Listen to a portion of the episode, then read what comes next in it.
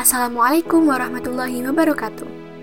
Hai Sobat Mansani, perkenalkan nama aku Belva dari kelas 10 Bahasa Mandua Kota Kediri.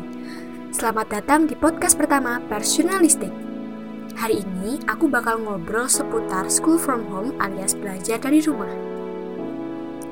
Kalian pasti udah tahu kan kalau COVID-19 ini udah nyebar sejak Januari 2020 kemarin Penyakit yang menyerang paru-paru ini telah disahkan sebagai pandemi oleh WHO pada Februari 2020. Masih ingat gak sama imbauan pemerintah untuk melaksanakan self-quarantine selama 14 hari waktu itu?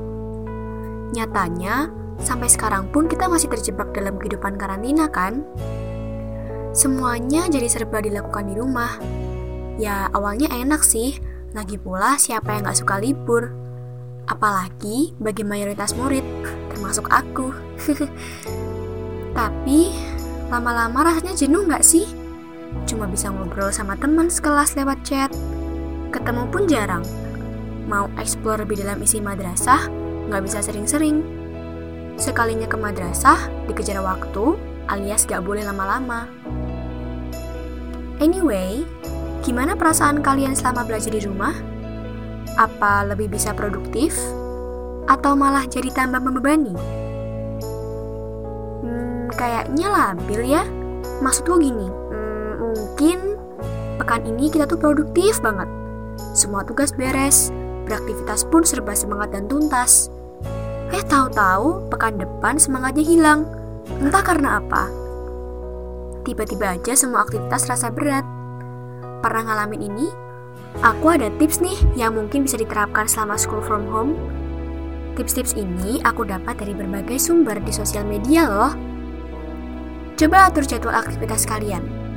Buat spesifikasi kegiatan yang harus kalian lakukan hari ini dan juga besok. Usahakan agar nggak overwork loh. Kalian kan juga butuh istirahat. Stay hydrated dan makan secara teratur. Jangan lupa olahraga untuk menjaga imun agar tetap kuat ya. Tetap semangat! Di masa pandemi ini, penting banget buat mengontrol emosi biar nggak stres juga. Karena ini bisa berpengaruh dalam aktivitas belajar mengajar. Oh iya, semoga tips tadi bermanfaat ya. Hmm, kayaknya untuk podcast kali ini sampai di sini dulu aja ya. Tetap stay tune untuk dengarkan lebih banyak podcast dari Pers Jurnalistik Mandua Kota Kediri. Jangan lupa tetap patuhi protokol kesehatan. Sampai jumpa di lain waktu. Wassalamualaikum warahmatullahi wabarakatuh.